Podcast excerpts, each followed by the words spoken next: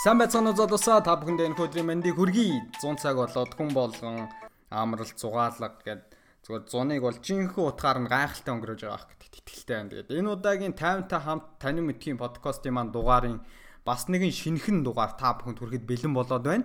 За өнөөдрийн дугаараар юуны талаар ямар сэдвийн хүрээнд ярих вэ гэхээр soft skill гэж яг юу юм бэ? Түүний талаар хамтдаа ярилцгаа. Хүн болгол одоо soft skill гэж ярьдаг болсон. Гэхдээ яг энэ яриад байгаа энэ ур чадварууд нь ямар ямар ур чадвар ордгийн ямар ямар ур чадварыг бид нар эзэмших ёстой тэр талаар хүмүүст төдийлө яриад байдаггүй. Тэгэхээр зөвхөн ингээд хүмүүстэй зөв харилцах ёстой, зөв харилцаатай байх ёстой, хүнтэй эелдэг харилцаа сурчих нь soft skill-ийг эзэмшлээ гэсэн үг мөө юм уу биш юм уу гэдэг талаар хэдүүлээ илүү өргөн хүрээнд хамтдаа ярилцъя гэж бодож байна. Ингээд энэ сэдвийн хүрээнд яагаад анх ярилцах болсон бэ гэхээр би өөрийнхөө компани өдөрдох төвчний нэг ажилтнтайгаа хамт хоол идээ сууж исэн. Тэгээ хоол идэд сууж байхдаа ер нь өдөрдох төвчний байр суурьнд очихын тулд ямар ямар ур чадваруудыг эзэмсэн байх шаардлагатай вэ гэсэн асуултыг тавихад 70-аас 80% нь бол soft skill-ийг эзэмсэн байх шаардлагатай. За үлдсэн 20-оос 30% нь бол техникийн ур чадваруудыг бол эзэмсэн байвал зохимжтой гэж надад тайлбарлсан ба. Тэр ч утгаараа маш олон хүмүүст орчин цаг үед энэ 21-р зуунд soft skill-ийг хүн болгон эзэмших хүн болгон бүх ур чадварыг эзэмшихгүй маа гэхэд тодорхой нэг хувийг магадгүй 40%, 50%-ийн ур чадваруудыг нь эзэмсэн байх. Зайлшгүй шаардлага бидэнд дүүсээд байгаа. Тийм болохоор энэ нэр нь ямар ур чадваруудыг хэлээд байна вэ? Тэр талаар хэдүүл хамтдаа ярилцъя гэж бодож байна. За soft skill-ийг бол ерөнхийдөө 8 хэсэг хуваадаг юм байна. За тэгвэл хамгийн ихний хэсэг нь бол багаар ажиллах ур чадвар гэж. Багаар ажиллах ур чадвар дотор за юу юу орж байна гэдгийг би ингээд эхнээс нь хэдүүл хамтдаа ярилцаад явъя. Магадгүй та цаас үзэг байх юм бол бичиж аваад тэмдэглээд дараа нь ямар ямар ур чадварууд нь надад байна, ямар нь надад байхгүй байна. Тэрэн дээр дүн шинжилгээ хийгээд байхгүй ур чадваруудаа өөртөө бий болгох суулгах зорилго тавиад ажиллаарай гэж хүсэж байна. За мэдээж хамгийн ихнийх нь болохоор баг дотроо те танай багт ямар нэгэн үр дүн гарч байгаа шүү дээ. Баг дундаас та хамтдаа хамтдаа ажиллах үр дүн гарч тэр гарч байгаа үр дүнд чиний оролцоо байх хэрэгтэй. Чи хувь нэмэр оруулдаг байх хэрэгтэй. Багийнхаа гишүүдтэй хамтдаа хаа одоо нэг хамтаараа багаараа маш сайн ажилтдаг тийм ур чадвартай байх хэрэгтэй. За хоёр дахь ур чадвар нь болохоор баг дотор бол маш олон төрлийн хүмүүс байгаа. Өөр өөр санаатай хүмүүс байгаа. Тэгэхээр олон төрлийн ялгаатай санаануудыг чи ингээд нэгтгээд шийдвэрлэдэг байх хэрэгтэй бүх төр олон санааг ингээд чи боловсруулаад нэгсэндээ эцсийн нэг шийдвэр гарнаа да эцсийн дүн шинжилгээ хийгээд тэгээд тэр олон санааг чи нэгтгэдэг тийм ур чадвартай чадвартай байх хэрэгтэй юм байна. Гур дараагийн нэг зүйл нь болохоор жишээ нь бүтээмжтэй сэтгэл гэх юм уу багийнхаа гişүүдэд ямар нэгэн бүтээмжтэй үр нөлөөтэй тийм сэтгэлдлийг ингээд өгдөг байх хэрэгтэй тийм. Шийдлийг санал болгодог байх хэрэгтэй. Эргээгээ тийм бүтээлч одоо шүүмжиж бид нэрлдэг зарим тохиолдолд тийм бүтээлч шүүмжийг хүдээж авах хэмжээний чадвартай байх хэрэгтэй. гэсэн ийм ур чадварууд байна. За дөрөвдөг ур чадвар нь багийнхаа бусад гишүүдийг чи дасгалжуулдаг байх хэрэгтэй, ментор хийдэг байх хэрэгтэй, уран зориг өгдөг байх хэрэгтэй. Магадгүй магадгүй багийн чинь нэг гишүүн өнөөдөр жоохон сэтгэл санаагаар унтсан байх юм бол очоод багийнхаа гишүүнд санаа тавиад чиний аргерт ямар нэгэн зүйл болсон уу юу нь болохгүй байна? Би чиний хийж чадах байгаа асуудал чинь яаж туслах уу гэд өөрөө төрүүлж очиод анхаарал тавиад тэр хүний асуудалд нь санаа тавьдаг. Магадгүй тэр хүнд сэтгэлээр унтсан байгаа бол тэр хүнд урам зориг өгдөг. Сайхан чин сэтгэлийн үг хэлцдэг тийм хэмжээний ур чадваруудтай байх хэрэгтэй юм байна. Энэ бүгд нь өөрөө soft skill-д ордог. За энэ гэхдээ би team work багийн ажиллагаа дотор яриад байгаа тийм За багийн ажиллагаа дотор тав дахь төрлийн ур чадвар нь болохоор зөв зохистой манлайллыг харуулах гэж байгаа багийн гişүүдтэй. Жишээ нь манлайлагч болон дарга гэдэг хоёр ойлголт бол өөрө том ойлголт шүү дээ. Манлайлагч бол араасаа хүмүүсийг дагуулдаггүй. Хүмүүс тэр манлайлагчийг дагдаг. Тэгэхээр дарга хүн бол араасаа хүнийг дагуулдаг. Манлайлагч хүн бол хүмүүс аяанда тэр хүнийг өөрийнх нь үлгэр дуурайл юм уу тэр хүний манлайлж байгаа байдлыг хараад араас нь тагдаг гэсэн үг. За дараагийн ур чадвар нь болохоор багийнхаа одоо жишээ нь үүрэг гэж байгаа шүү дээ. Багийн гишүүн болго өөр өөрийн гэсэн үүрэгтэй байгаа. Тэр үүргүүдийн тодорхой болох хэрэгтэй. Тэгээ тодорхой болгочоод за миний өнөөдрийн хийх энэ багт оруулах хувь нэмэр бол ийм үүрэгтэй байна. За энэ үүргийнхээ хүрээнд би ийм ийм ажлуудыг өнөөдөр хийх ёстой ийм ийм төлөвлөгөөний дагуу ажиллах хэрэгтэй гэдгийг хүлээн зөвшөөрөөд тухайн ажлуудаа үр дүн тэр гүйцэтгэх хэрэгтэй. Энэ бол нэг том ур чадвар. Гэтэл ихэнх компани гэх юм уу Монгол дахь ихэнх компаниуд юун дээр ингээд асуудал үүсгээд идэг вэ гэхээр нөгөө нэг хүнийг ажилтнаар авчингуудаа нөгөө хүнийх нь хийх ёстой ажил нь өөрийнх нь хэм хэмжээнийх нь тэр тухайн багт оруулах үүргүүд нь ийм ийм ийм ийм гэж ихсаагаад бичсэн бай гэж бодъё л. Тэгээ нөгөө бичсэн байсан чинь нэмэлт ажлууд маш их орж ирдэг. Нөгөө хүний нөгөө хийх ёсгүй байсан ажлуудыг гинт гинт ингээд ажил хийж яхад нь авчираад нэмээд өгчдөг, нэмэлт ажил өгч ийн гэдэг. Тэгээ нөгөө хүнийх нь хийх ёстой ажил дээр нь илүү ачаал болгоод эргээгээд нөгөө ажлууд нь нэмэлтээр өгсөн ажлууд нь багийн үр дүнд юм уу эцсийн үр дүнд бол нөлөөлөх асуудлууд бий болоод байдаг. Тийм болохоор ийм төрлийн ур чадвар бол бас хэрэгтэй юм биш шүү гэдэг нэг санаа явж байна. За дараагийн нэг зүйл нь болохоор өөрийнхөө давуу талыг ойлгодог байх хэрэгтэй. А өөрийнхөө давуу талыг мэдж яхахын хэрээр бас өөрийнхөө хязгаарыг мэддэг байх хэрэгтэй. Надад ийм давуу тал байна. Гэхдээ би энэ хүртэл мэднэ А үүнээс цааш бол би мэдэхгүй. Би илүү судлах хэвээр, би илүү унших хэвээр. Харин дараа нь бол би танд хариулт хэлж болох юм ач гэдэг юм. Тэгэхгүй бол зарим хүмүүс өөрийгөө давуу талаа мэдээд байдаг. Өөрийнхөө хэм хэмжээ хязгаарыг мэддэггүй дээ. Бүгдийг л мэддэг юм шиг аашлаад байдаг. Түүнээсээ болоод бас алдах магадлал байдаг. Дараагийн ур чадвар нь багийн гişүүдийнхээ давуу талыг таньж мэдэх хэрэгтэй. Тэгээ багийн гişүүдийнхээ давуу талыг чи олж харсан бол түүнийг илэрхийлдэг байх хэрэгтэй багийнхаа гишүүнд хэлдэг байх хэрэгтэй. Чи манай баг дотор ийм үүрэгтэй ажилдаг. Чи манай багийн бол гол хүн тий. За гол хүн юм бол чи дизайн хийхдээ бол маш сайн. Манай багийн одоо маркетинг тал дээр бол тэр бол маш сайн ч гэдэг юм уу. Олонний өмнө ярих тал дээр бол манай багийн тэр залуу бол маш сайн ч юм уу. Багийнхаа гишүүдийн чи давуу талыг нь олж хардаг. Тэгээд давуу талыг нь ашигладаг хэмжээний ур чадвартай байх хэрэгтэй юм байна. Дараагийн ур чадвар нь баг дотор маш олон төрлийн өөр өөр настай хүмүүс байгаа. Мөн өөр өөр хүүс хүүсний хүмүүс байгаа. Мөн өөр өөр арьс өнгөтэй хүмүүс байгаа. Өөр өөр шашин шүтлэгтэй хүмүүс байгаа. Улс төрийн хувьд хүртэл өөр өөр үзэл баримтлалтай хүмүүс байгаа. Тэгэхээр энэ олон талт байдлуудыг а энэ олон төрлийн одоо жишээ нь олон төрлийн олон талтын байдал байгаад байна шүү дээ. Тэгэхээр энэ хүмүүстэй өөр өөр төвчний ийм хүмүүстэй үр нөлөөтэй хамтран ажиллах хэрэгтэй үр нөлөөтэй эцсийн үр дүн гаргахын төлөө хамтдаа энэ хүмүүсийг зохион байгуулад ажиллах тийм хэмжээний ур чадвартай байх хэрэгтэй гэдэг. Ийм нийт 9 чадвар бол soft skill-ийн багаар ажиллах ур чадвар гэдэг хэсэгт ордгийн байна. За ингээд 8 ур чадвараас 8 хэсэг байгаас эхний багаар ажиллах ур чадварт нь ийм ийм ур чадварууд орно гэдгийг би ерөнхийдөө тайлбарлачлаа. За хоёр дахь хэсэг рүү оръё. Хоёр дахь хэсэг нь болохоор технологийн ур чадвар гэж. Технологийн ур чадварыг бол soft skill-д яагаад ороод ирсэн бэ гэхээр сүүлийн үед энэ хиймэл оюун ухаан болон машин сургалт гэдэг зүйл маш эрчимтэй хөгжиж байгаа зах зээлд өөрийнх нь эзлэх байр суурь нь хүртэл маш өргөн хэмжээнд бүр тэлж байгаа болохоор энэ технологийн ур чадварууд бол soft skill-д орцсон байна аль үжээ.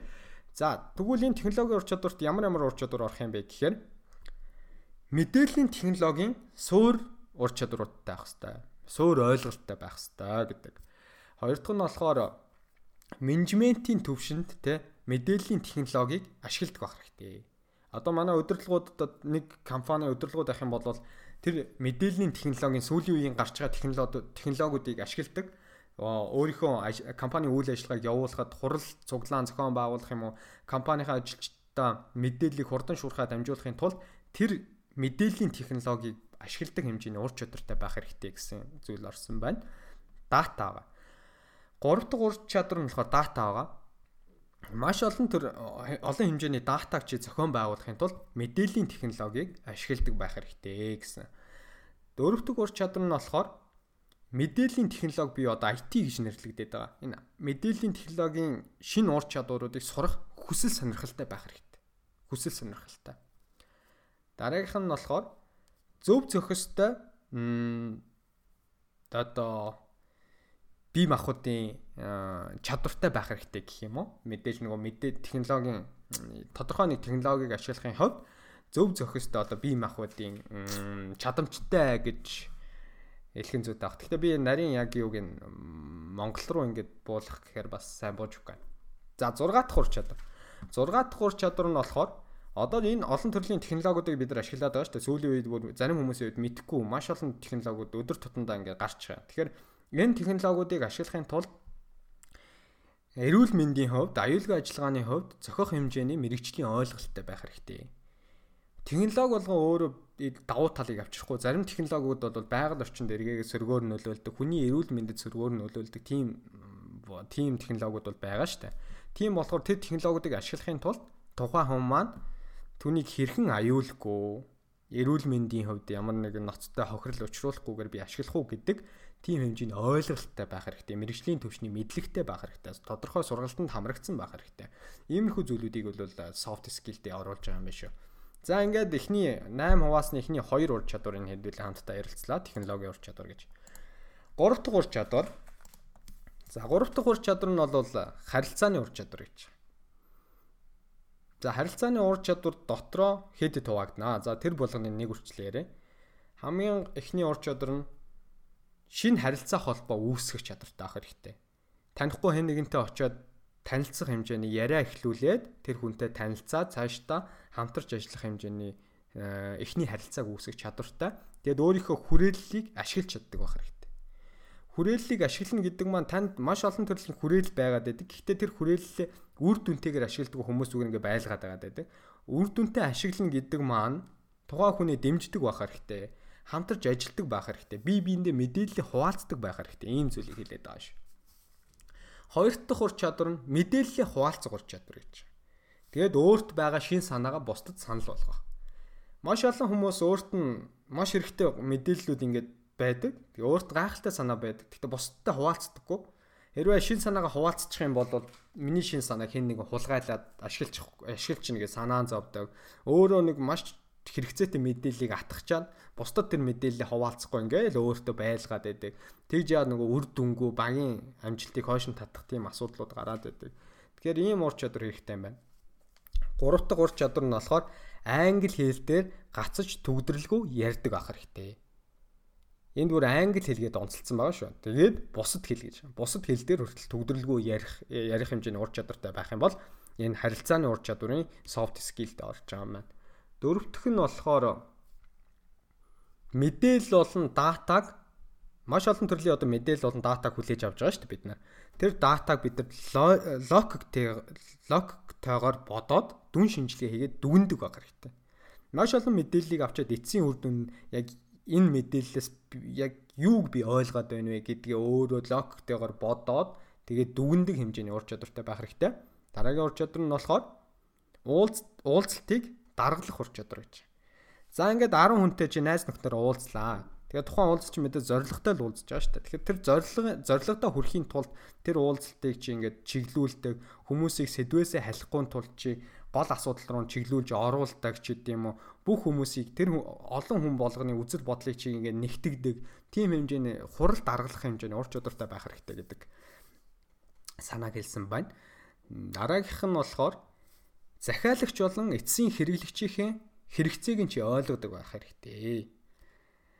Дараагийнх нь болохоор өөртөө ихтгэлтэй байгаагаа бусдад харуулах мөн бусдын өмнөөс би өөрийн санаа зовж гин гэдгээ бас илэрхийлэх хэмжээний ур чадвартай байх хэрэгтэй. Дараагийнх нь болохоор хэн нэгэнтэй хэлэлцээр хийх гэж байна гэж бодъё л та. Юм бол үр дүнтэй хэлэлцээр хийдэг нөгөө хамтдаа ярилцж байгаа хүнийг итгүүлэх, ятгах хэмжээний ур чадвартай байх хэрэгтэй мэдээж хэн нэгэнтэй уулзалт хийх гэж байгаа бол чи эцсийн тэр уулзалттай чи үр дүн дүн нэг тодорхой үр дүн байгаа шүү дээ. Тэр үр дүндээ хүрэхийн тулд нөгөө хүнийг ятгах, үнэмшүүлэх, эргээгээд хилцээрийн үр дүнд нь чи яг сансан хэмжээнд хүрээ тэр өрөөнөөс гарах хэмжээний ур чадвартай байх хэрэгтэй. Дараагийн ур чадвар нь олон төрлийн хүмүүстэй харьцаж байгаа хүмүүсийн хувьд болохоор энэ зөв зохистой бичих, бичгийн ур чадвар. Жишээ нь одоо бид нар хэн нэгэнд мэйл өчөж байгаа, албан мэйл өчөж байгаа тохиолдолд хэрхэн зөв зохистой бичих үү те нөгөө хүнийг бас сөрөг сэтгэл үлдээчихгүй тулд ч гэдэг юм уу мэрэгчлийн үүднээс зөв зохистой үг ашиглах ч гэдэг юм уу ийм ур чадварууд бол бас soft skill-д ордог юм байна. За soft skill-ийн communication харилцааны ур чадваруудын дараагийн ур чадварууд нь болохоор сонсох ур чадвар байх хэрэгтэй. Маш сайн сонсдог байх хэрэгтэй. Сонсно гэдэг маань зүгээр нөгөө чихээр ингээл оруулаад гарах биш бүр зүрх сэтгэлээсээ нөгөө хүний сонсдог Тэгээ сонссон хүн бол яах вэ? Ойлгох хэрэгтэй. Нөгөө яриад байгаа зүйл нь хэлэх гээд байгаа санааг нь өөртөө шингээгээд ойлгож аваад тэгээд дараа нь яах вэ? Зөв зохистой цэгцтэйгээр ярьдаг байх хэрэгтэй. Маш нэг тодорхой гол санааг хэлэх гээл тойруулаад яриад байдаг биш.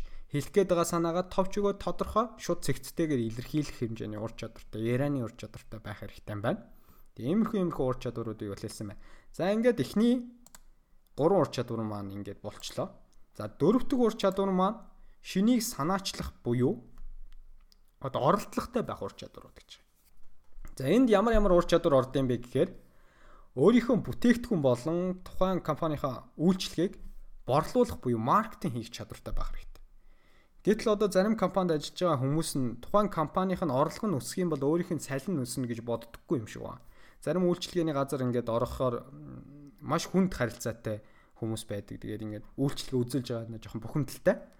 Тэгээд магадгүй дараагийн удаа би тэр газар руу дахиж орох хэрэгтэй юм надад сонирхол төрөхгүй байхгүй. Тэгэхээр тухайн компани чи ажиллаж байгаа бол тэр тухайн компанийхаа бүтээгдэхүүн байна үйлчлэгийг нөө борлуулах хэмжээний чин тийм хүсэл сонирхолтой байх хэрэгтэй. Үгүй ядаад инээмсэглждэг байх хэрэгтэй. Маркетинг хийж чадахгүй маа гэхэд те. Тэгэхээр энэ чадвар бол өөрөө soft skill-ийн нэг төрөлд орох юм байна. Дараагийн ур чадвар нь болохоор бизнесийн бизнесийн харилцаа гэж байгаа. Бизнесийн харилцаа гэдэг маань энгийн бид нар ингээ найз нөхдөдөө харилцах харилцаанаас өөр ойлголт шүү дээ. Тэгэхээр энэ бизнесийн харилцааг харилцааны энэ олон төрлийн ур чадваруудыг ашигладаг байх хэрэгтэй. За дараагийн ур чадвар нь болохоор оролцогч талууд буюу одоо хувьцаа эзэмшигч байна уу, ивент тэтгэгч байна уу тэр хүмүүсийнхээ хоорондын нэгт уялдаа холбоог нь хангаж тэр хүмүүстэйгээ харилцан уялдаа холбоотой харилцах хэрэгтэй, ажиллах хэрэгтэй гэдэг санаа. Жишээ нь нэг төсөл дээр ажиллаж байлаа гэж бодох юм бол тухайн төслийнх нь одоо жишээ нь хөрөнгө оруулсан хүн этгээд байлаа гэж бодъё захиалагч талгачдыг. Тэгвэл энэ хүмүүстэй төслийнхөө явцын мэдээллийг байнга хуваалцдаг байх хэрэгтэй. Уялдаа холбоотой ажилтдаг байх хэрэгтэй. Манай төслийн явц ийм байна те. Өнгөрсөн 7 хоногт ийм бүтээмжтэй бид нар ажиллалаа гэдэг юм уу. Өөрийнхөө цагийн нөгөө төслийнхөө хуваарийг ингээд тогтмол мэдээлж яадаг те. Явцыгаа явцаа мэдээлж яадаг, санхүүгээ төсөв тооцоогоо мэдээлж яадаг. Ийм ур чадваруудыг хэлээд байна. За дараагийн зүйл нь болохоор мэдрэмжийг илэрхийлэх. Мэдрэмжтэй байдлаа илэрхийлэх хэрэгтэй. Жишээ нь мэдрэмжтэй байдал гэдэг маань соёлын хувьд гэдэг юм уу, худалдааны хувьд гэдэг юм уу, улс төрийн хувьд гэдэг юм уу, хүрээлэн байгаль орчны хувьд гэдэг юм уу. Олон талын мэдлэгтэй байх хэрэгтэй гэж хүмүүс хэлдэг шүү дээ. Нэг сэдвийн хүрээнд ярихад тэр зүйл дээр илүү мэдрэмжтэй хариулцдаг. Тим хэмжээний ур чадвартай авах хэрэгтэй. За дараагийнх нь болохоор чамд ямар нэг шин санаа гарч ирлээ. Тэр шин санааг үйл явц болгох ч гэдэм уу, үйлдэл болгох хэмжээний чадвартай авах хэрэгтэй. Хүмүүс ингээл надад ийм гоё санаа байна, гайхалтай санаа байна гэдэг. Тэгэл жилийн дараа уулзаад нөгөө санаагаа ярьж лээдэг. Ямар нэг хэрэгжүүлсэн зүйл ерөөсөө байдаггүй. Гэт шин санаа байна. Одоо энийг яаж хэрэгжүүлэх вэ? Үйлдэл болгох уу гэдэг зүйл дээр анхаардаг байх хэрэгтэй. Тэгээ тийм ур чадварыг эзэмших хэрэгтэй. За дараагийнх нь болохоор бүтээлч байх хэрэгтэй, шинэлэг байх хэрэгтэй. Тэгээ шинэлэг шийдлүүдийг гаргадаг байх хэрэгтэй. Шинэлэг шийдэл гэдэг маань нөгөө өмнө нь давтагдаагүй те хэн нэгэн тэнийг ерөөсөө олж харж байгаагүй зүйлийг бусдын өөрийнхөө бусдын хараагүй өнцгөөс чи хараад тухайн бизнесийг сайжруулахын тулд хийж байгаа тийм шинэлэг шийдлүүдийн тухай ярьж байгаа. Дараагийнх нь болохоор тодорхой тийм төлөвлөгөөтэйгээр одоо стратеги гэх юм уу стратеги буюу тодорхой тийм төлөвлөгөөтэйгээр зорилгыг хөгжүүлэх хэрэгтэй. Тэгвэл ингээд би жилийн дараа ийм хийн гэд төлөвлөчгөөсөө илүүтэй тэрийг бүр системтэй ингээ системүүдэд хуваацсан За би жилийн дараа ийм зорилго төрхийн тулд эхний нэг сар бол ийм ийм ур чадвар эзэмшсэн байх хэвээр. За хоёр дахь сард бол би түүний хийцэн байх хэвээр. За гурав дахь сард бол ийм хийцэн байх хэвээр. За бүр тэрийг деталлаа задлах юм бол өглөө болгон босоод за өнөөдөр би юу хийх вэ гэдэг төдөө лист гаргаад, жагсаал гаргаад өнөөдрийн хийх ажлуудаа гаргаад За өнөөдөр энийг хийн, өнөөдөр энийг хийн гэдэг. Маргааш үнийг хийн. За өнөөдөр энэ ажлыг дуусгаагүй юм чи маргаашийн ажлын төлөвлөгөөнд оруулчих гэдэг юм уу. Иймэрхүү ур чадварууд хэрэгтэй юм байна. За дараагийн ур чадвар нь захиалагч болон хэрэглэгчийн шаардлагуудыг чи олж харддаг, түүний таньдаг байх хэрэгтэй.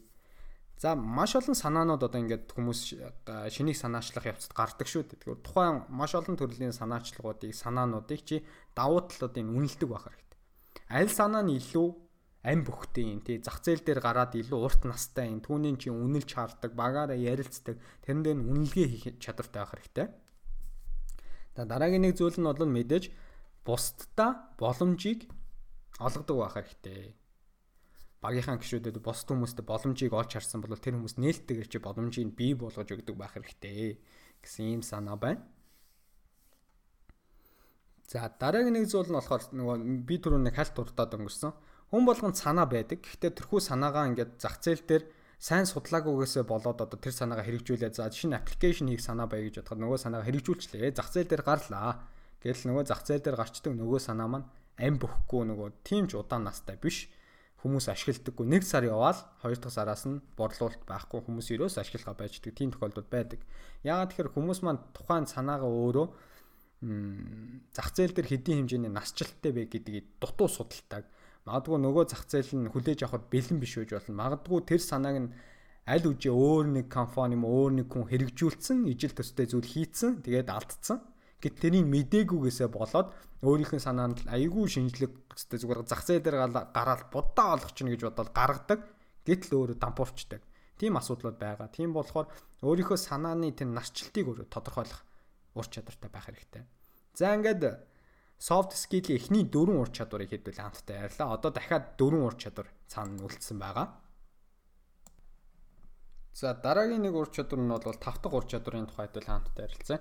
Энэ бол суралцах суралцах чадвар. За суралцах чадварт нь болохоор хамгийн ихнийх нь тухайн өөрчлөлтийг одоо жишээ нь өөрчлөлт гарлаа гэж бодъё л да. Өөрчлөлтийг зохицуулахын тулд суралцах хэрэгцээ байна гэдэг тухайн хүн хүлээн зөвшөөрөх хэрэгтэй. Яагаад тэгэхээр одоо алхам тутам нөгөө шинэ технологи гараад өдөр тутам бидний хийж байгаа нөгөө ажлын арга барилууд маань өөрчлөгдөж штэ. Нэг үг байлгэхэд. Тэгээ нүн өөрчлөгдөж байгаа процесс донд энэ өөрчлөлтийн явцад чи өөрөө дасан зохицохын тулд би суралцах хэрэгтэй байна гэдэг тэр хэрэгцээг өөрөө хүлээн зөвшөөрөх хэрэгтэй.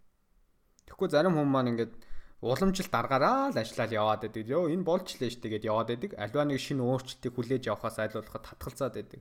Тэр бол бас буруу ур чадвар юм биш үү? Орчин орчин үеийн зах зээл дээр. Дараагийн зүйл нь болохоор шин зүйлийг сурахад өөрийн цаг зав болон өөрийн тэр хүч хөдөлмөрөө гаргахад тэр цаг заваа зарцуулахад бэлтгэгдсэн байх хэрэгтэй. Мөн одоо шин санаа болон шин технологиг одоо ашиглахад үргэлж нээлттэй хандах хэрэгтэй. Тухайн компани хувьд одоо жишээ нь зарим уламжилт компаниудын хувьд шин технологи ингээд нэвтрүүлэх гэхээр э, өдөрдох төвчний хүмүүс нь ингээд татгалзаад байдаг. Тэр хүмүүс нөгөө үсрэлттэй 40-тэй 40 гаруй одоо 80 он 70 оны хүмүүс те Тэнгүү тэр хүмүүсийн хувьд чи өнөөдрийн залуучуудын ашиглаж байгаа шиг ингээ подкаст, YouTube channel гэл энэ дижитал контентуудын талаар сайн ойлголт байхгүй шүү дээ шинэ технологиудын талаар. Гэтэл тэр хүмүүс нөгөө хуучны тийм уламжлалт аргаар өдөртөжсэн тийм орчинд нөгөө ажиллаа сурцсан хүмүүс чинь шинэ технологиг аль болох хүлээж авахаас жоохон татгалзаад байдаг юм шиг санагддаг. Тийм болохоор тийм шин зүйлийг, шин санааг, шин технологиг өөрийнхөө компанид бол өөртөө хэрэгжүүлэхэд үргэлж нээлттэй байгаарэ. Тийм ур чадвар хэрэгтэй шүү гэдгийг онцлсан байна. Дараагийнх нь ажлаас гадуур болон ажил ажил дээр өнөө ажлаас гадуур өнөө ямар ч нөхцөл байдал тийм суралцах хүсэл сонирхолтой байх хэрэгтэй. Ихэнх залуучуудтай ингээ заримдаа яриа сухад за ихэнх нь ч юу юм бэ? Нэг тодорхой хэмжээний залуучууд уулзаад ярингууд би энэ компанид ерөөсөө өсч хөгжихгүй байна те. Энэ компанид чин зүйл ерөөсөө сурахгүй байна. Тэгээд би одоо компаниас сольдог юм билүү те. Тийм гомдлсон янзтай ярьдаг штэ. Гэтэл үнэндээ ямар ч нөхцөл байдал ямар ч компани тухайн хүн ажиллаж исэн тухайн компаниас суралцъя гэдэг тийм шинэ хүсэл сонирхол байх юм бол ямар нэгэн байдлаар тэр хүн тэр нөөцийг олж хараад суралцах их хүсвэрийг гаргаж чадах л байхгүй. Тэгэхээр ийм төрлийн ур чадвар бол хэрэгтэй гэдэг санаа байна. Тэгээд тасралтгүй ингээ нэг суралцах процесс гэж ядэн штэ. Бид нар одоо ингээ насан туршдаа л суралцаар байгаа л угаасаа энэ амьдралыг угаасаа дуусгах байх. Тэгээд энэ тасралтгүй суралцах үйл явц донд тийм нэг урам зоригтой байх хэрэгтэй. Би ингээд тасалтгүй сурна те. Маргааш чин зүйлийг сурна, нөгөөдөрс сурна. Тэгэхгүй зарим хүмүүс чинь окей, дөнгөж 30 хүрснээ юу вэ те? 30 хүрснээ. За одоо миний ингээд сурахнаас ингээд дууссан. Хийдгээ хийчлээ. Одоо зүгээр ингээд ажиллаа л хий. Нэг л ажиллаа хийгээл ингээд нэг тэтгэврт гартраа явъя ч гэдэм үү. Үгүй тийм юм ерөөсөө байж болохгүй. Цаан чин 60 70 настай хүмүүс шинэ бизнес эрхлээ, шинэ санаа гаргаад ингээд яваад ах чинь 30 хүрчээд өөрийгөө тэгээ за би сурах нас биш үгүй дээ 40 50 та хүмүүс өнөөдөр дэлхийн топ сургуулиудад сураад явж байгаа. Тэр энэ байнгын суралцаж явна гэдэг тэр хүсэл сонирхлоо болоод хэзээч гээж болохгүй шүү гэдэг санаа байна. За дараагийнх нь болохоор техникийн тэр асуудлуудад ингээд асуудлуудыг шийдэхэд ямар нэгэн ур чадварууд байна шүү дээ. Тэрхүү ур чадваруудыг эзэмших хэрэгтэй. Тим ур чадварууд суралцах хэрэгтэй гэдэг санаа байна. Дараагийнх нь болохоор суралцах маш олон төрлийн тийм боломж буюу одоо их усүрүүд байгаа. Тэр их усүрүүдийг ашиглах хэрэгтэй. Жишээ нь зөвхөн би өнөөдөр ажлын 8 цагаар ингээд ажиллаад сард за нэг 21 хоног ажиллаж байгаа хэ. 21 хоног ажиллахдаа зөвхөн ажил дээрээсээ л юм сурна гэд байх биш. Жишээ нь ажлаасаа гадуур бид нар ментор авч болж байна. Ямар нэгэн менторын хөтөлбөрт хамрагдаж болж байна. За тэгээд үеийнгийн яг миний насны залуучууд байгаа шүү дээ зах зээл дээр. Тэр залуучуудтайгаа уулздаг. Тэр залуучуудын хүрээдэл, нийгэмлэг, клуб байд юм уу? Тэр уулзалтанд хаяад очдог. Нөгөө хүмүүсээ туршлага судалдаг. Эргээгээд өөрөө бас туршлага мэдлэгээ хуваалцдаг байх хэрэгтэй тийм гой хүрээлэлтэй байх хэрэгтэй. Онлайн курсуудыг авч болж байна. Өнөөдөр төлбөрөөдлөөд гэртээ орон цагаас орон цагаар онлайн курсуудыг авч болж байна.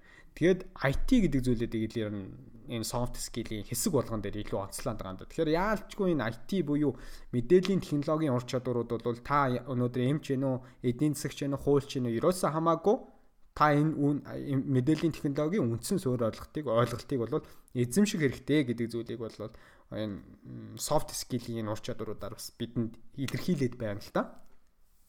За дараагийнх нь болохоор ажлын талбар дээр байгаа одоо нэг тийм хүрээлэл байгаа штэ. Нийгэмлэгч гэдэг юм уу. Тэр нийгэмлэгтээ чи өөрийн хувь нэмрийг оруулах хэрэгтэй тухайн ажиллаж байгаа багт байгаа багийн гişүүд гэдэг юм уу тухайн хэлтэц гэдэг юм уу тэр хэлтэц дотор байгаа хүмүүс гэдэг юм уу.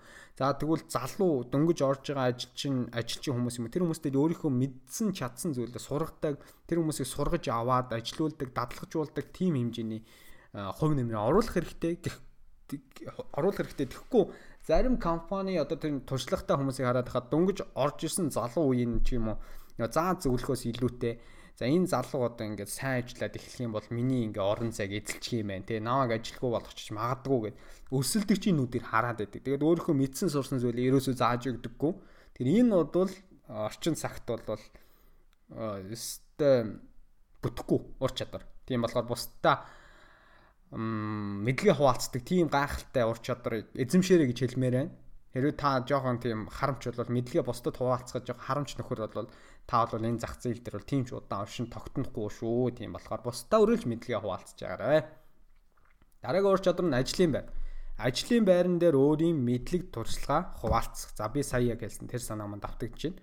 Дараагийнх нь болохоор буюу энэ суралцах ур чадварын хамгийн сүүлийнх нь нэг хэсэг нь болохоор өөрийнхөө хувийн тэр ур чадварыг хувийн нөгөө суралцах тэр одоо төлөвлөгөө гэх юм уу түүнийг өдөрдөг байх хэрэгтэй.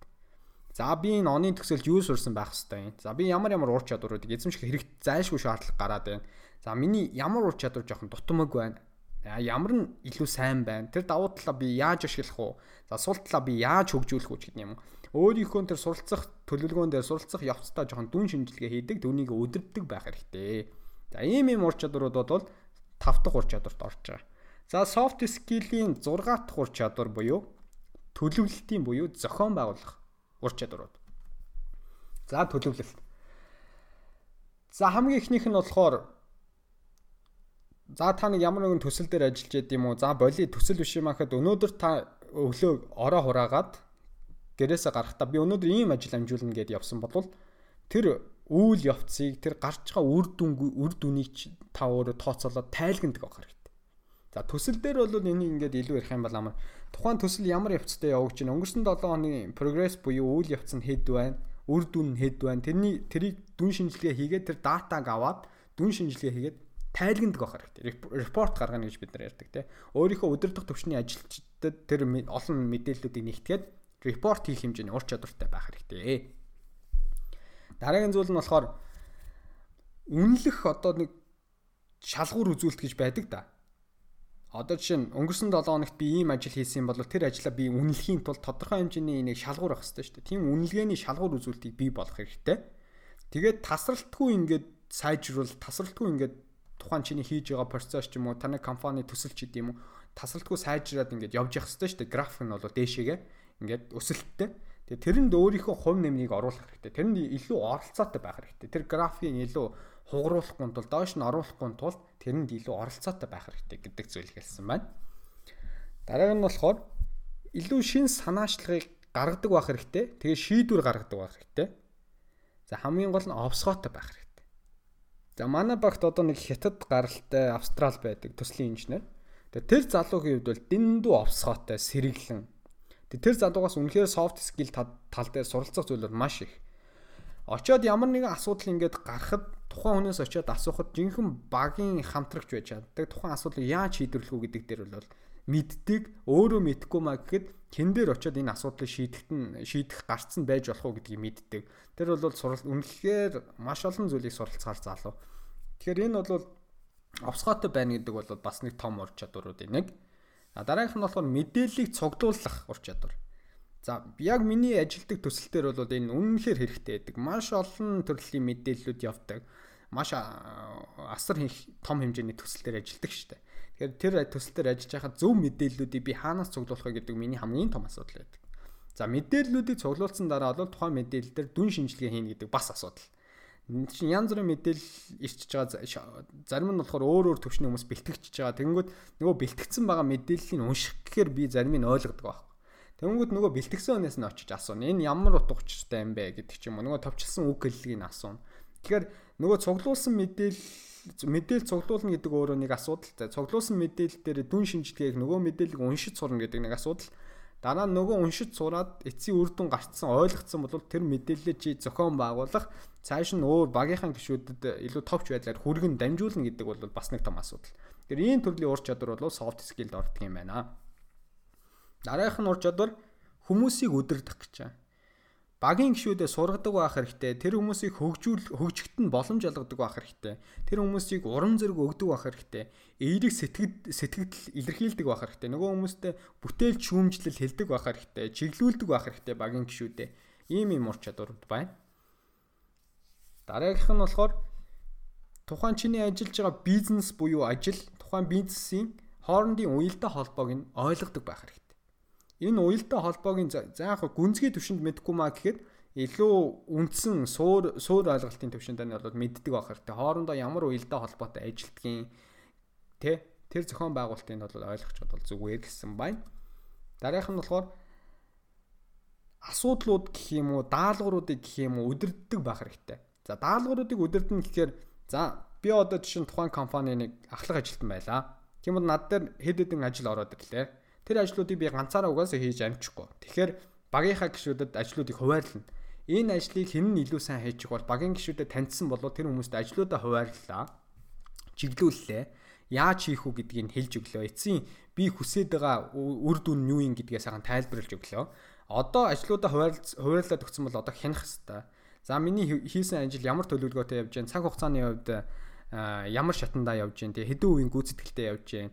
Дуу яг төлөвлөсөн хугацаанд дуусах чадах нь үгээ тэрэн дээр нь хяналт тавьдаг. Тийм ур чадвар байх хэрэгтэй.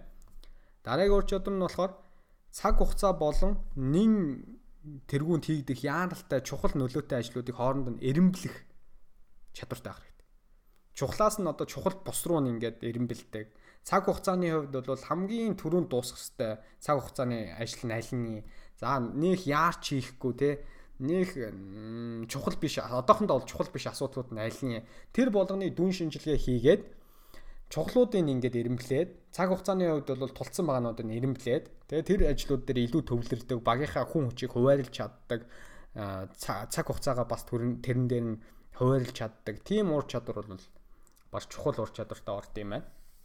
За дараагийнх нь болохоор эрсдлийн удирдлага гэж мэдээж бид нар ямар нэгэн төсөл юм уу ямар нэгэн үйл ажиллагаа ингээд эхлүүлээд явж байхад огт төлөвлөөгүй гинтийн гинтийн зардлуу төлөвлөөгүй гинтийн ажлууд гарч ирдэг.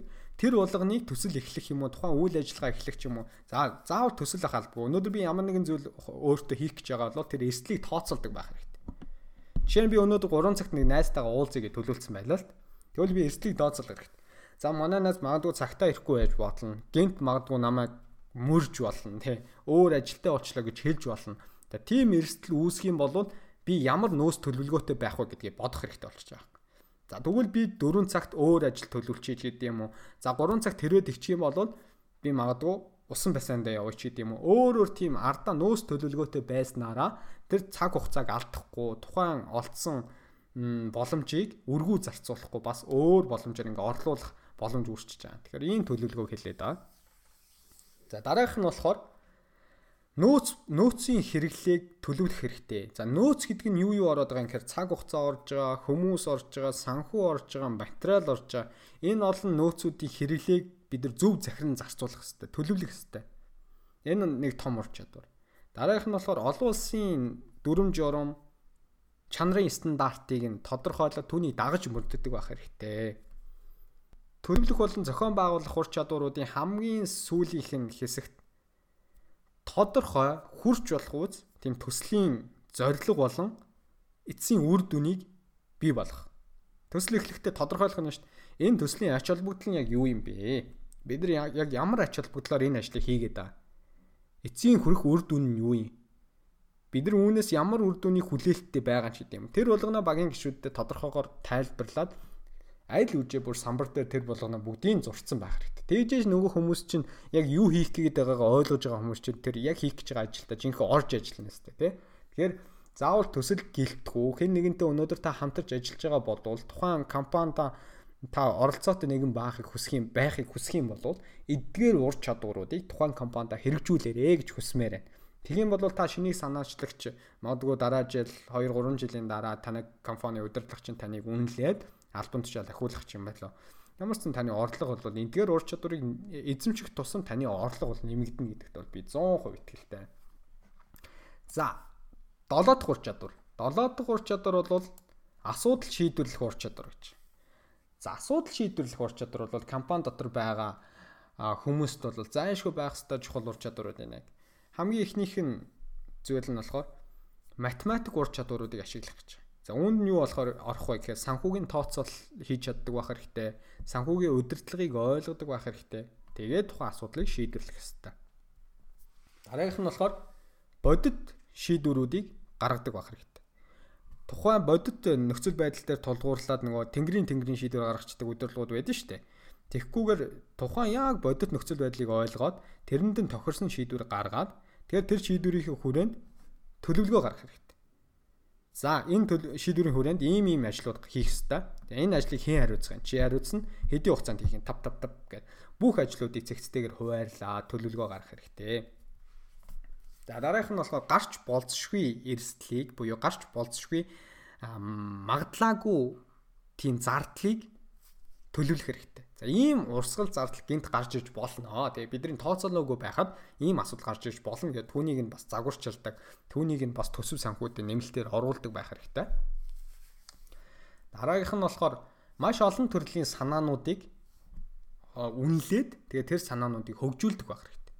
Мэдээж хүн болгон өөр өөр төрлийн санаачлах хэлэн танай танай багийн хүмүүс тэгээ тэр санаа болгоныг чийдэгт үнэлдэг байх хэрэгтэй Зүгээр энэ чиний гаргаж байгаа санаа угаас хэрэггүй санаа ингэж хэлэхээс илүүтэй эхлээд үнэлдэг. Тэгвэл тэр тухайн санааг нь хөгжүүлэх тал дээр нь дэмждэг байх хэрэгтэй. Мэдээж хин нэгэн төгс төгс төгөлдөр гайхалтай санаа ерөөсөө гарахгүй дээ.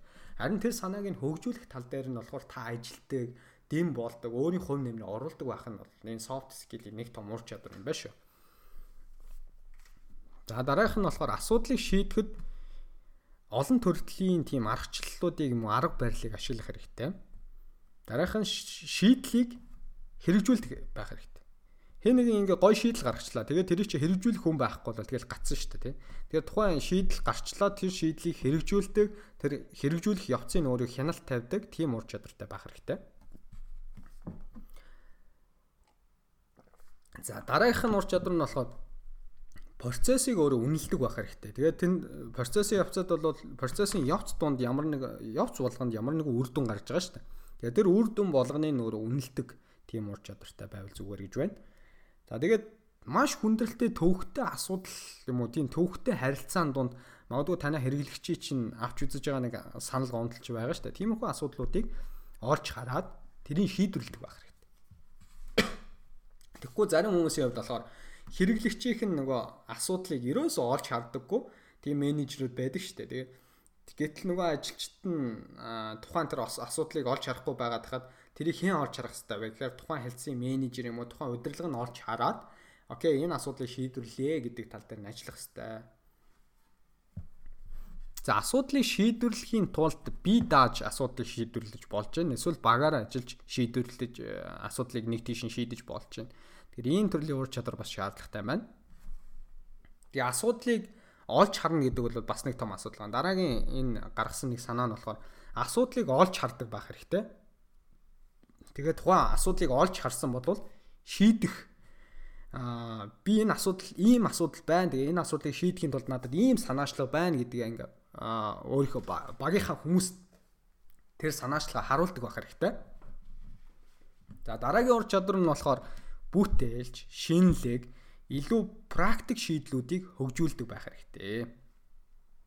За дараагийнх нь болохоор асуудлыг тодорхойл. Аа тэгвэл тэр асуудлыг тодорхойлчоод хүчин зүйлүүдийн хувь нэмэр оруулах хэрэгтэй. За асуудлыг тодорхойлсон бол энэ асуудлыг шийдэхийн тулд ийм ийм асуудлууд ийм ийм шийдлүүд байна гэсэн бол тэр нь чи өөрийнхөө хувь нэмрийг оруулдаг байх хэрэгтэй. Тэгэхгүй ингээ хөндлөнгөөс харчаад аа наад асуудал чи ийм юм байна. Гэ нөгөө дүн шинжилгээ хэлээ суугаад байдаг хүн биш те. Тэрэнд бас хувь нэмрээ оруулдаг байхын зөв юм болоо гэж бодож байна. За хамгийн сүүлийнх нь болохоор яг бодит тулгараад байгаа нөхцөл байдлыг нь дүн шинжилгээ хийгээд тэрэн дээр таамаглал дэвшүүлдэг байх хэрэгтэй. За бодит асуудал нь ийм байгаад байгаа юм байна. А энэхүү бодит асуудлыг шийдэхийн тулд ийм байвал яах вэ? Багийнхантайгаа ярилцдаг, тухайн шийдлийг нь гаргаж ирээд хүмүүстэй түүнийг санал болгодог. Ийм ийм ур чадварууд бол асуудлыг шийдвэрлэх гэсэн энэхүү soft skill-д ордог юм байна. За одоо ингээ хамгийн сүүлийн хэсэг маань бидэнд үлдсэн байгаа. За хамгийн сүүлийн soft skill маань өөрийгөө удирдах чадвар гэж.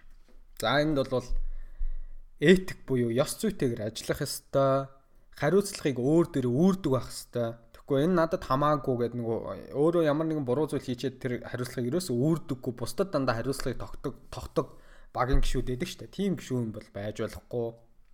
Хоёр дахь нь өөрийн хувийнхээ өөрийн санаа болон өөрийнхөө зорилгыг маш тодорхой илэрхийлдэг байх хэрэгтэй. Өөрийнхөө удирдах ажилтан ч юм уу хамтран ажиллаж байгаа юмстай. Миний зорилго бол ийм, миний алсын хараа бол ийм гэдгээ товч өгөө тодорхой илэрхийлдэг байх хэрэгтэй. За дараа нь болохоор одоо дарамт шахалт гэхээсээ илүү өндөр ачаал донд ажиллах чадвартай байх хэрэгтэй. Одоо чинь ажлын ачаал даах гэж бид хөө хэлдэг шүү дээ. Тиймэрхүү ажлын ачаал даах чадвартай байх хэрэгтэй.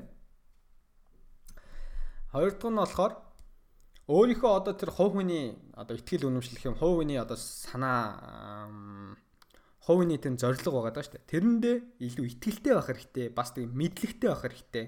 Өөрийнхөө тэр хийх гэж байгаа зүйлдээ илүү мэдлэгтэй, ихтгэлтэй байх хэрэгтэй. Хоёрдугаарт хувь хүнийхээ өөрийнхөө гүйцэтгэлийг үнэлж чаддаг, түүн дээр хяналт тавьдаг тийм ур чадвартай байх хэрэгтэй. Чадамжтай байх хэрэгтэй. Гэхдээ зарим хүн чинь ингээд өөрийн өөрөө л айгүй мундаг ажиллаад байна гэж өөрийгөө бодоод байдаг. Гэтэл багийнх нь багтаа оруулж байгаа хувь нэмэр нь яг ямар төвшөнд вэ гэдээ үнэлээд үзэх юм бол харьцангуй бага байдаг. Тийм болохоор өөр дээрээ дүн шинжилгээ хийх тийм ур чадвартай байх хэрэгтэй. Дараагийнх нь хувь хүний зориг алсын хараатай байх хэрэгтэй одоо хөгжлийн төлөвлөгөө гэж заримдаа хэрэлт заримдаа бид нар хэлдэг. Мэдээж компанид ажиллаж байгаа бол та тодорхой компанид ямар хөв нэмэр оруулах уу гэдэг төлөвлөгөө байх хэрэгтэй. Тэр түүнтэйгээ адилхан та өөртөө хувь хүний төлөвлөгөө, хувь хүний алсын хараа, зориг гэвэ 1 жил, 5 жил, 10 жилийн төлөвлөгөө нь юу юм? Тэр болгоно өөрөө мэддэг байх хэвээр. Тэг магадгүй та ингээд бичиж болно, цаасан дээр буулгаж болно те. Тэр ур чадваруудаа илүү гаргаж ирж болно. За хамгийн сүүлийн ур чадвар нь болохоор уян хатан байх ур чадвар. Уян хатан аливаа асуудалд хандаж байгаа илэрхийлэх хэвээр. Тэгэхгүй ингээд нэг асуудал гарангуут л амар хатуу байр сууриас ингээд хандчихдаг. Ерөөсөө тийм биш. Уян хатан тэрэнд олон талаас нь хаардаг, олон талын нөхцөл байдлаас нь хаардаг. Миний харж байгаа нэг өнцөг бол өөр штэ. Магадгүй миний хамтран ажиллаж байгаа хүмүүс маань бас арай өөр өнцгөөс харж болно. Тэгээд тэр олон өнцөг болгоноос харж байгаа зүйлүүдийг харилцан уялдаа холбоотойгоор уян хатаа аваад тэгээ эцсийн оновчтой шийдвэрийг гаргах бол боломжтой байдгийн байна. За ингээд өнөөдрийн подкастаараа бол би soft skill гэж яг сүүлийн үед энэ хүн болго яриад байгаа энэ асуудлыг энэ ур чадварын тухайд бол хамтдаа ярилцлаа. Тэгээд би өөрийнхөө судалсан зүйлүүдийг та бүхэнд хүргэлээ. Тэгээд өнөөдөр бол soft skill-ийг 8 ангилт юм байна. Тэгээд 8 ангилахдаа дотор нь бол ямар ямар нарийн ур чадваруудыг бол soft skill-д оруулдаг юм бэ гэдэг зүйлийг илүү төлхөө ярихыг хүслээ. Тэгээ энэ удаагийн дугаар тань таалагдсан гэдэгт найдаж байна. Тэгээд тайм тайм таны мэдхийн подкаст юм аа. Энэ удаагийн дугаар үүгээр дуусч байна. Тэгээд хэрвээ энэ удаагийн дугаар таалагдсан болвол өөрийн Instagram хаяг дээр та энэхүү подкастыг скриншот хийгээд бэлгүүнээ юм уу миний Instagram хаягийг меншн хийгээд story дээр хийгээрэй. Тэгэх юм бол бид бүхэн та хэдийн сэтгэлдлийг саналыг хүлээж авах боломжтой шүү. Тэгээ бид хэдийг хүсэх ганцхан зүйл бол YouTube тэрлээ. За тэгээ дараа дараагийн дугаараар дахин уулзлаа. Түр баярлалаа.